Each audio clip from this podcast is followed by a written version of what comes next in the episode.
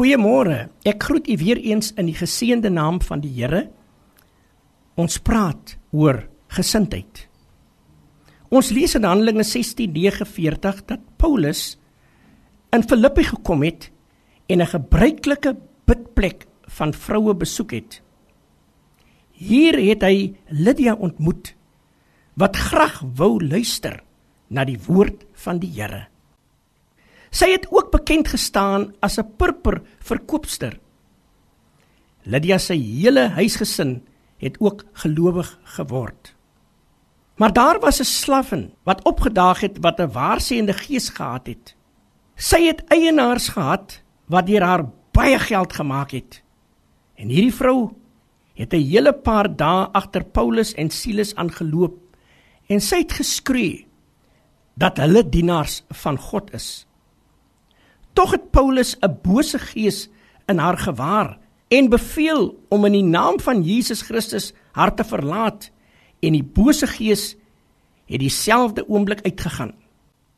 Hulle vir wie sy gewerk het, was baie woedend en het Paulus en Silas voor hul regters gebring met hierdie aanklag.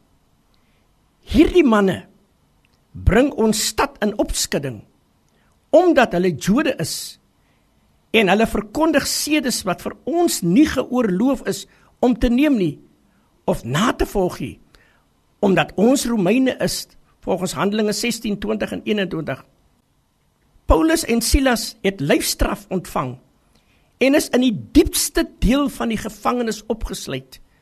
Hulle voete aan 'n blok vasgemaak. Watter donkerte het hierdie mense nie beleef nie praat nou van 'n donker omstandigheid waarin hierdie twee manne was. Maar wat doen hulle nou?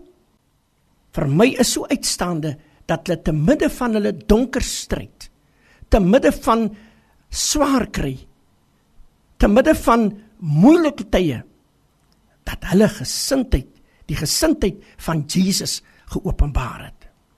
En omtrent middernag het Paulus en Silas gebid en lofliedere tot eer van God gesing en die gevangenes het na hulle geluister en skielik kom daar 'n groot aardbewing sodat die fondamente van die gevangenis geskit het en onmiddellik het al die deure oopgegaan en die boeye het van almal losgeraak. Voel jy donkerte om jou?